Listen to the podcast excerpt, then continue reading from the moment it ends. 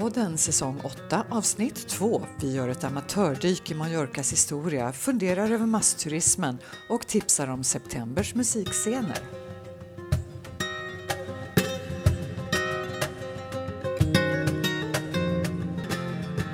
God morgon, Nina. Alltså jag har faktiskt vaknat och pratat upp mig. Jag har inte sjungit upp mig riktigt men eh, jag är vaken. Det här är ju en regnig dag. Är det så, så är det på västkusten i alla fall. Hur ser det ut borta hos er i Kalmarsund? Ja, det ösregnar. Jag har haft en lite hetsig morgon med att så här, du vet, springa ut och i panik täcka över utemöbler vars täcke hade blåst av och försöka rädda vad som räddas kan ungefär. Ja, det är inte underligt att man nu när man tittar ut på träden som faktiskt börjar släppa en del löv, att man börjar längta bort. Mm. Igår, igår hade vi kanonväder och då kände jag verkligen så här, nej nej, jag kan vara här, det är toppen. Ja. Idag så känner jag att Mallorca är en, ett fantastiskt ställe. Ja, jag håller med dig. Jag håller med dig. Vi ska vara glada över vårt regn därför att eh, ja, men jag såg nu att på Mallorca har det bara regnat hälften av vad det brukar i augusti och det vet vi ju vad det betyder. Är det overall, hur ser det ut uppe i min lilla enklav uppe i bergen? Jag har tittat lite grann på vädret förstås och där ska det vara rätt mycket regn den här veckan. Ja, men du vet, det här var ju till och med augusti, så då ja, ja. har vi lite tur så kanske de tar igen en del i september. Ja, hoppas det. Varmt är det där nere i alla fall. Ja, verkligen. ja, det ska vara härligt. Jag ska åka ner eh, om en vecka faktiskt. Ja, superskönt. Och jag åker om två veckor. Då får vi ses där nere. Ja, så nästa gång vi eh, spelar in så är förmodligen du på plats. Du, eh, har det hänt någonting på Mallorca, något aktuellt som du har tänkt på? Ja, men det är ganska så stora diskussioner nu om det här med turismen och besökarna naturligtvis. Jag vet att eh, Balearerna delade ju ut eh, pengar till hotellen för att de skulle kunna hålla, förlänga säsongen. Eh, ordentligt med pengar satsade man på det, men nu, är, nu vill hotellen, vissa hotell i Magaluf vill lämna tillbaka sina pengar och faktiskt stänga hotellen för de tycker att det, det lönar sig verkligen inte. Det är för lite resenärer. Ja, och det är mycket diskussioner om just det här med alltså besökare. Så jag tänkte testa dig på några frågor. Vad du ja. tycker och tänker. Mm. Ja. Kryssningsbåtarna är tillbaka. Hur känner du för det? Eh, ja, det är verkligen blandade känslor. Eh, om de kan på något sätt eh, se till att det gynnar lokalbefolkningen så tycker jag ju att det är okej. Okay. Men om allting sker ombord på båtarna så, mm, jag vet inte, det kommer in tusentals personer som bara sliter på utrymmena och köper vykort. Då tycker jag inte det är kul. Mm, jag håller med dig. Mm. Eh, nästa fråga. Ja. Barer och restauranger ska eh, ta bort sina tillfälliga uteserveringar nu vid eh, månadsskiftet. Bu eller bä? Jag tycker att om de restaurangerna tycker att det är en bra idé att ta bort dem, så ja, varför inte? Medan däremot de som har upplevt att wow, det här tillför någonting, de borde väl kunna få ha dem kvar. Mm.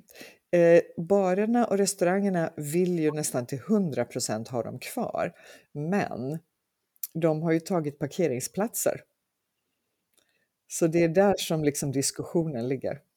Jag tycker som i Lilla Alarå då, där har ju väldigt många restauranger haft sina serveringar ute och det är ju fantastiskt när man kommer och går på kvällarna.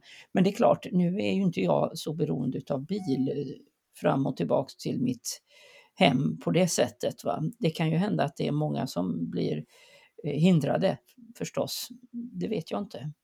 Mm. Det, alltså det är ju alltid så, man kan tycka att det är jättebra men det finns negativa saker också. Ja. Men det är ju härligt, jag, jag är, oh, uteserveringar är ju så mysigt. Mm. Jag trodde faktiskt att, att det var allmänt att man fick ha det på det där sättet, men ja. Nej, men de har ju utökat dem ordentligt under corona eftersom man bara fick sitta ute en period. Så Mm. då kunde de annektera både trottoarer och gator och parkeringsutrymmen. Ja, men om man kan göra det trafiksäkert och att det inte förstör mm, för de som vill passera så då kan det väl få vara kvar. Ja, jag gillar Ja. det också. Eh, man vill bygga ut flygplatsen. Eh, Ja. Aena som driver flygplatserna i Spanien tror att 2026 kommer att bli ett rekordår med 29 miljoner besökare i klass med 2019. Vad tycker du? Bör eller behöver flygplatsen byggas ut? Om flygplatsen byggs ut, då tycker jag att då måste man också bygga ut infrastrukturen runt flygplatsen. Då ska det bli lättare att ta sig in till stan och till, man skulle ju kunna ha tåg till flygplatsen, en tunnelbana eller någonting som ansluter till de andra tåglinjerna som finns på ön. Va? Då tycker jag att det är okej. Men det, det hänger väl också ihop med då vad man vill ha för turism. Och om man tänker sig att turismen ska öka så jättemycket. Ja. Det är ju också då den här tanken med att vi ska turista närmre där vi bor och inte åka till Thailand längre. Och det är klart, då är det ju ställen runt Medelhavet som kommer att få ett ökat tryck. Mm. Ja, det är en jättesvår fråga tycker jag också. Det, frågan är hur mycket ön tål. För vi kommer ju ihåg 2019 att det var ganska kaotiskt och framför allt så är det ju biltrafiken. Alltså man tänker för 20 år sedan så åkte folk till sitt hotell och så var de där och badade, solade, drack vin och åt och dansade på nätterna. Nu hyr man en bil och ska åka på utflykter, se alla de mysiga små stränderna, uppleva bergen, vandra. Alltså biltrafiken har ju ökat något helt otroligt. Ja, det är inte bra. Det är ju inte bra förstås. Va? Nej, jag tror att den, den får det tufft eh, om det blir ändå fler turister. Det här du säger med transporten till och från flygplatsen. Man räknar ju med att det tåget ska vara klart 2026. Ja, och då så, kanske det kan funka ändå. Mm. Ja, det, det tror jag kommer att bli väldigt bra. Ja, framtiden får visa. Mm. Eh, min sista fråga till dig. Politikerna i Palma vill att ön ska rikta in sig på eh, lite lyxigare turister istället för Svensson-turisterna. Vad tycker du om det? Finns det ett demokratiproblem här? Ska alla ha råd att åka på semester eller kan vi välja? Ja, man ska ju inte, alltså det går inte att vara egoistisk i sådana här. Det vore ju hemskt om jag sa att nej, det ska bara vara de som har råd som får komma hit, eller rättare sagt de som kan spendera sina pengar på lyxturism. Det går ju inte att ha en sån syn, tycker jag. Sen är det ju så i världen. Mm. Jag menar, vilka har råd att åka till eh, Mauritius eller vad det nu kan vara va, för platser? Mm. Ja, för vissa platser är ju, ja, men sådär, har ju verkligen riktat in sig på lyxigare turism. Jag menar Saint-Tropez, Saint Moritz och som du säger vissa eh, så här, guldöar. Ja, Jag antar att Mallorca är väl tvungna att anpassa sig efter, efter kapitalismens lagar va? och så här. Va? Om, om de vill få tjäna pengar och om de vill eh, få arbetstillfällen så kanske man inte kan välja och vraka hur mycket som helst. Liksom. Mm. Mm. Man märker ju att det, det pågår ju lite redan, både i Playa de Palma, Arenal eh, och eh, Magaluf-området så graderar man ju upp hotellen. Att det nu finns väldigt många fler fyr och femstjärniga hotell där än vad det fanns för bara några år sedan. Mm. Men sen finns det väl då andra områden som poppar upp istället som kanske då um, attraherar de som inte vill bo på femgrader eller femstjärniga hotell och sådär. där. Det är ju fantastiskt att, att de här platserna finns ändå, va? för det gör ju att övriga ön inte är helt överbefolkad fastän det är så jättemycket turister på ön. Mm. Nej, men det är faktiskt rätt så härligt och det var, det var någon som sa till mig också att eh, majorkinerna själva har inte märkt av turismen på ett, på ett negativt sätt förr, därför att då var vi verkligen samlade i de här turistorterna. Nu börjar man lite och mer märka av turismen därför att plötsligt så vill man bo i Palma, man vill bo i de små ö, ö, byarna, Alarå, Fornaluch, Sojer och så vidare. Och då blir turismen mer påtaglig. Ja, ja visst.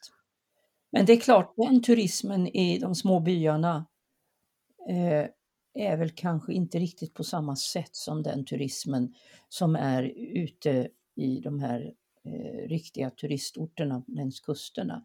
Jag menar, om jag bor i Alarå då använder jag mig utav affärerna och de, det som finns där. Va? Och då Mm. blir, på något sätt så tycker jag ju att jag bidrar till det samhället på något, på något Mm. vis. Och sen är ju frågan, var går gränsen? Mm. När slutar du vara en turist? Ja, Eller en besökare? Är det så att du faktiskt när du äger ett boende eller när du långtidshyr ett boende så är du någonting annat än turist? ja, man vill ju gärna tro det. Ja, men visst vill man vara lite märkvärdigare? Jag tror att då krävs det kanske ändå med också det här att du, du eh, engagerar dig kanske i, i lokala saker, eh, lär känna folk på platsen som är majorkiner och det blir dina personliga vänner. va Mm. och så. Det har ju vi upptäckt faktiskt att eh, det går. Men språket är ju förstås en, en, eh, en nyckel då. Hur går det med din spanska?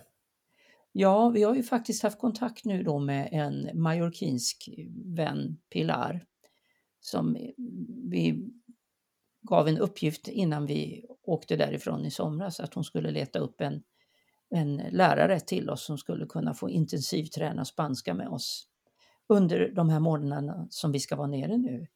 Så vi får Ja. se hur det går här. Vi hoppas ju på det förstås. Spännande! Ja, men det är klart med några glas cava så brukar spanskan eh, lätta om man säger så. Fast jag vet, Ulf, i ditt läge att det är italienskan som lättar. Jo, men då blir de, då blir de ännu lyckliga marockinerna. För de har en bild av att de, deras eh, marockinska eh, spanska har mycket mer släktskap med italienskan än med spanskan. Så de Ja, blir vad alltid glada va, när man säger finestra istället för ventana och sådär. Va. Ja, men gud, underbart. Det, eh, vi tar det som eh, årets stora utmaning nu under hösten, att det- vår spanska... Det får kanske bli nästa podd. Uff, Hur lär man sig spanska så fort som möjligt? ja, mm. ja, härligt. Du, eh, idag tänkte vi eh, gå vidare lite med ett tema som vi så smått har påbörjat om Mallorcas historia. Just det. Ja, vi har haft ett avsnitt där vi pratade om talayoterna, de eh, stenslungande eh, invånarna. Som, eh, ja, men de har en rätt stor betydelse i Mallorcas historia, eller har liksom, de var under en lång tid, eller hur? De dök väl upp under eh, järnåldern och då får man inte tänka sig våran nordiska järnålder utan den järnålder som då eh, fanns i eh, södra Europa som kom tidigare än vår. Och eh, det har vi ett helt avsnitt om, så det ska vi inte gräva ner oss allt för mycket i. Men för att liksom göra en liten sammanfattning så vet vi ju att, och det pratade vi ju faktiskt om förra avsnittet när vi pratade om Mallorcas vilda liv, att bildandet av Balearerna var någon gång för 150 miljoner år sedan och att från början var Mallorca en undervattensö. Ja, just det. Eh, och sen så blev det helt torrlagt så att det satt ihop med fastlandet. Och sen kom det in vatten vid Gibraltar så att det så småningom faktiskt blev en ö i Medelhavet. Och det Ja. där är sådär en, ja, 10 miljoner år sedan. Då fanns ju inte varken våran kultur eller paleoternas kultur förstås. Men när dök de upp för första gången? Vet du det? Jo, jag läste någonstans att det är väl, deras historia är lika lång som kilometerna runt ön, va? något sånt där, 5000 någonting år. Ja, ja, precis. Man brukar väl säga att Mallorcas historia är så lång. Den viktigaste Talayot-perioden var mellan 1300 och 800 f.Kr. och det var då de började bygga alltså kägelliknande torn som kanske var befästningar eller gravkammare eller båda delarna. Men det är ju rätt så roligt för de spelade så stor roll så att man ofta delar in Mallorcas tidiga historia i pre-Talayot-perioden som är då, precis som du sa, från 5000 eh, till 1300 f.Kr. och sen Talayot-perioden 1300 till 800 som var den viktigaste. Och sen har vi post-Talayot-perioden som är 800 till 123 f.Kr. Så det är den perioden som jag tänkte vi skulle grotta ner oss lite i. Vad var det som hände då egentligen? Ja, det var väl rätt så mycket som hände då. Va? Visst är det massa olika folkgrupper som dyker upp runt Medelhavet. Va? Fenicierna är väl den, den mest kända, eller?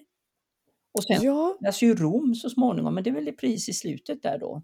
Men de ja, också upp. Grekland, Ja. ja. ja. För det är när, när romarna kommer, och det brukar man säga att det är 123, år 123 f.Kr. Och eh, då finns det väldigt mycket dokumenterat. Men innan dess, precis som du säger fenicierna, men vilka vad är det för människor då? Vad är det för folk? Visst var det ett sjöfarande folk va, som kom någonstans ifrån eh, östra medelhavsområdet och som i princip hade väl monopol på handeln över hela, mellan, mellan Mellanöstern och Europa. Kan man säga så? Jo, jag tror att det är så. Och eh, precis som du säger, otroligt duktigt sjöfolk. Mm. De byggde båtar som var större än vad någon annan hade gjort vid den tiden. Och så tror jag att en av deras stora grejer var att de kunde segla på nätterna. Aj då. då använde de sig av stjärnor och månar, förstår jag. Ja, Polstjärnan var deras grej. Det var den de, de liksom använde som sikte. Ja. Men du, de kommer alltså då till, eh, till Mallorca och Menorca och så här, men då finns ju talayoterna där. Va, vad händer då liksom? Ja, jag tänker att det är väl då som de verkligen får, eh, det har de ju gjort innan också, men det är då de får visa sin skicklighet med stenslungorna. Så de försvarar sig alltså mot fenicierna. Mm. Men hur går det? Blir de ändå koloniserade utav dem? Ja, men det, det blir de ju. Ja. Mm. Jag tror att det, det är ett för starkt folk. De, de har för mycket S i rockärmen för att talayoterna ska kunna eh, stå pall. Men, men vad finns det för lämningar efter fenicierna? Kan man se att de har varit där på ön? Ja, men jag försökte hitta någonting om det och jag hittar absolut ingenting. Jag tänker det är ju så lång period så det måste ju finnas det. För jag tror väl att de här städerna i norra delen på Jensa och eh, och det här, va? det är väl romerska eh, lämningar, visst är det så? Ja, det är det. Mm. Men Så jag har faktiskt inte hittat någonting. Jag funderar lite så här, nu känner jag att nu är det snillen spekulerar på hög amatörnivå här, men eftersom de var ett sjöfolk så kanske de inte gjorde så där väldigt mycket avtryck på land. Nej, precis. Handelsplatser kanske bara då, va? som de använde för att magasinera och, och så åka vidare så småningom då kanske till andra delar utav Medelhavet. Ja. Eller Och att de, och att vatten. de använde Balearerna liksom som bara en, en mellanlandning på Mm. vägen. Ja. Mm. Sen då, efter, efter, efter fenicierna så eh, kommer alltså då kartagerna, va? eller? Ja, och det är vad jag förstår så är det ju en typ av fenicier också. För Kartago var ju Feniciska rikets största stad. Just det, så är det ja. Det har du rätt i. Ja, så förstår jag det. Och jag menar, tänker man på den tiden, historien runt den tiden, så var det ju ofta så att det var stora riken, men så fanns det liksom mindre riken som var byggda kring städer och regioner Ja. som leddes av någon stor, stark krigisk typ. Och Så, eh, fin, finns det någon sån här i, i den, under den här tiden? ja, men det finns ju en man som väldigt många har hört talas om men som jag inte egentligen vet så mycket om och det är ju Hannibal. Han, grabben med elefanterna. Just det. Och han är alltså från Kartago?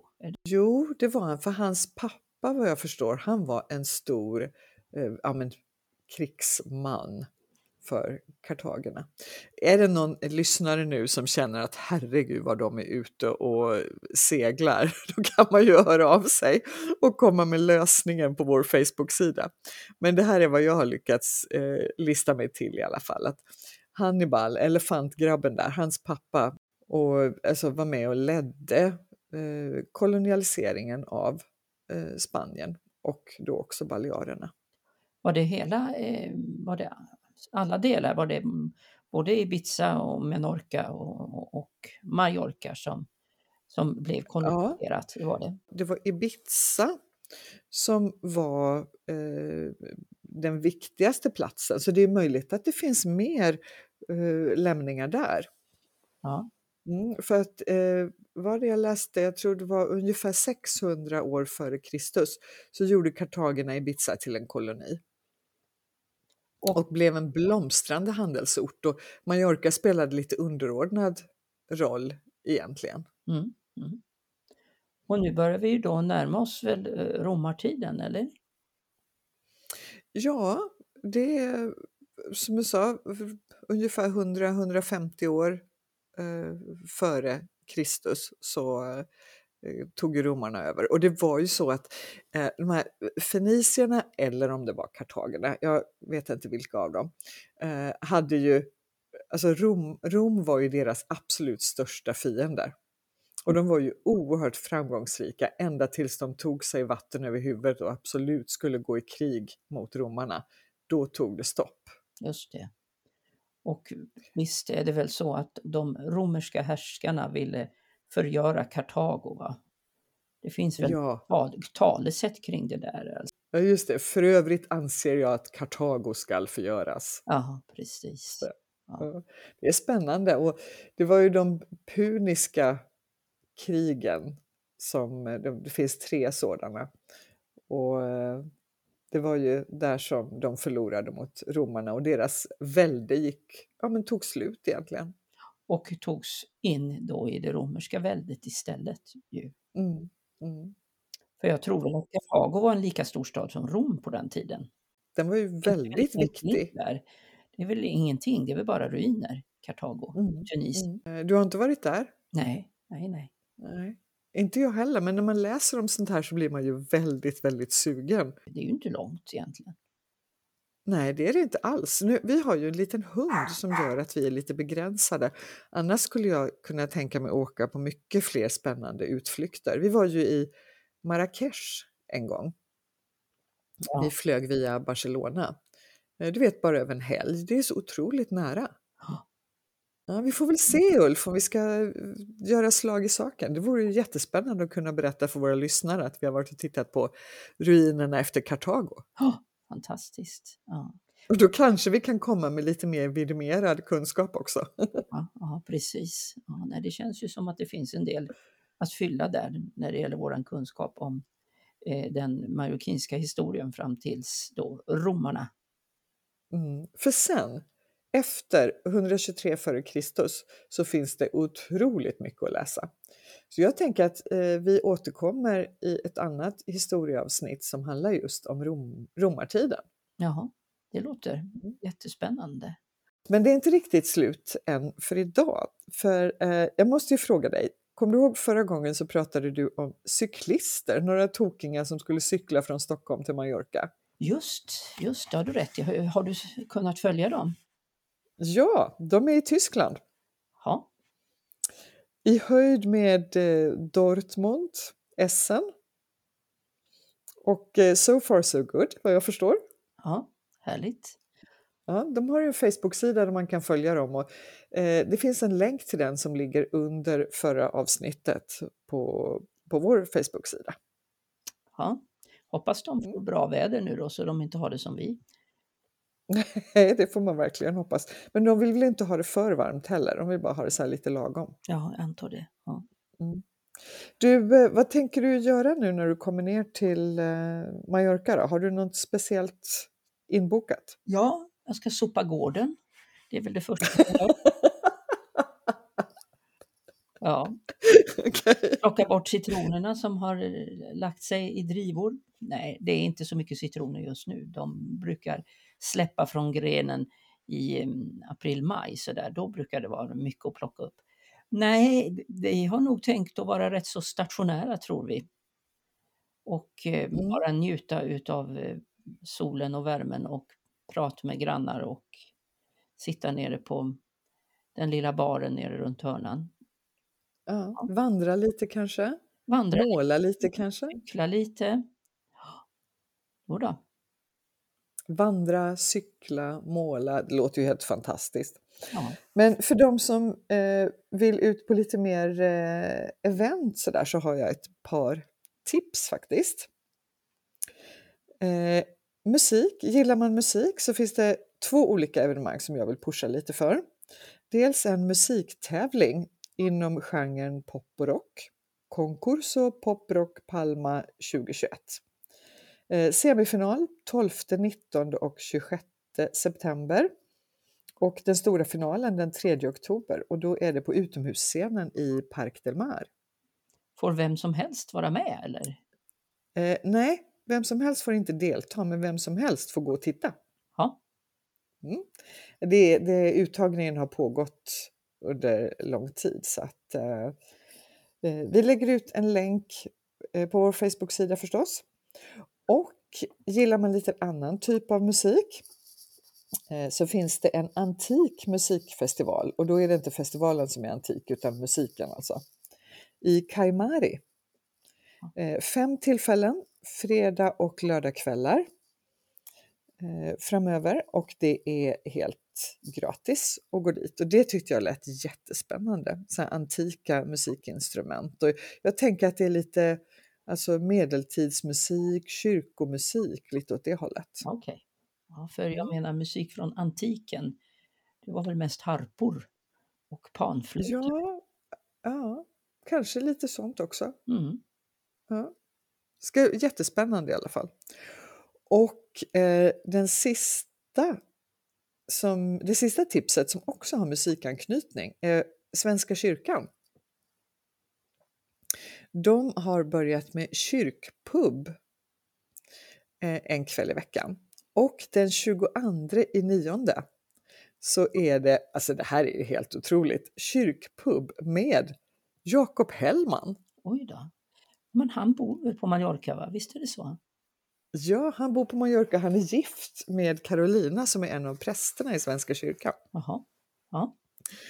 Så det är inte så många kyrkpubbar som kan skryta med att ha en popstjärna sådär som sitter och lirar lite. Nej. Den 22 sa du det, va? Eh, ja, precis. Den 22 Vi missade nionde. det, både du och jag då. Mm, det gör vi. Men tips till alla ni som är där. Och Mm. Jag tycker det är så roligt för när man går in på eh, kyrkans hemsida eller på Facebook-sidan så har de bland annat ett inlägg där de har babyrytmik. Och det vet jag, det gick jag med Nisse på när han var liten. Om man sitter och sjunger barnvisor och försöker få barnen att hänga med lite och tycka att musik är roligt. Men på Svenska kyrkan i Palma så är babyrytmiken kompad av Jakob Hellman. Härligt. Ja, vad roligt. Där tänker jag att vi eh, rundar av för idag. Jättebra. Vi hörs igen. Det gör vi. Hej då! Hej.